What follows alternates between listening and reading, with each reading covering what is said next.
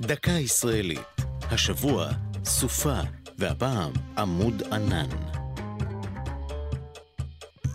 ספר שמות מתאר תופעה ניסית שליוותה את מסעות ישראל במדבר.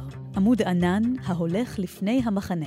אמנם אין לנו הוכחה ודאית, אך יש תופעה מטאורולוגית המזכירה את המחזה. זהו האלעול. מערבולת אוויר הנוצרת בסמוך ליבשה ואוספת אליה חול ואבק. הסתחררותם יחד מעל האדמה מקנה להם מראה של צינור חול המתנשא לשמיים בגובה עד כמאה מטר. האלעול נוצר בעיקר במדבר בשעות הצהריים, והוא נצפה בארץ בפעם האחרונה לפני כשנתיים בדרום הר חברון. לא לחינם מכונה התופעה שד אבק, ונוטים לבלבלה עם טורנדו, אך בטרם תיבהלו, דעו שאינה נחשבת מסוכנת. קוטר האלעול מספר מטרים בלבד, והוא מתקיים רק כמה דקות. אם ראיתם עמוד דומה, המופיע מעל פני הים, מדובר בתופעה אחרת, נד מים, הנוצר מתחת לענני גשם ערימתיים.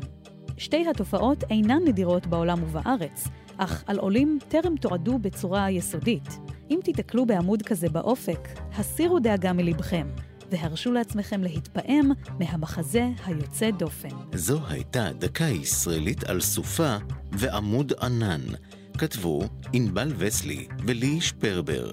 ייעוץ הדוקטור ברוך זיו. הגישה מרים בלוך.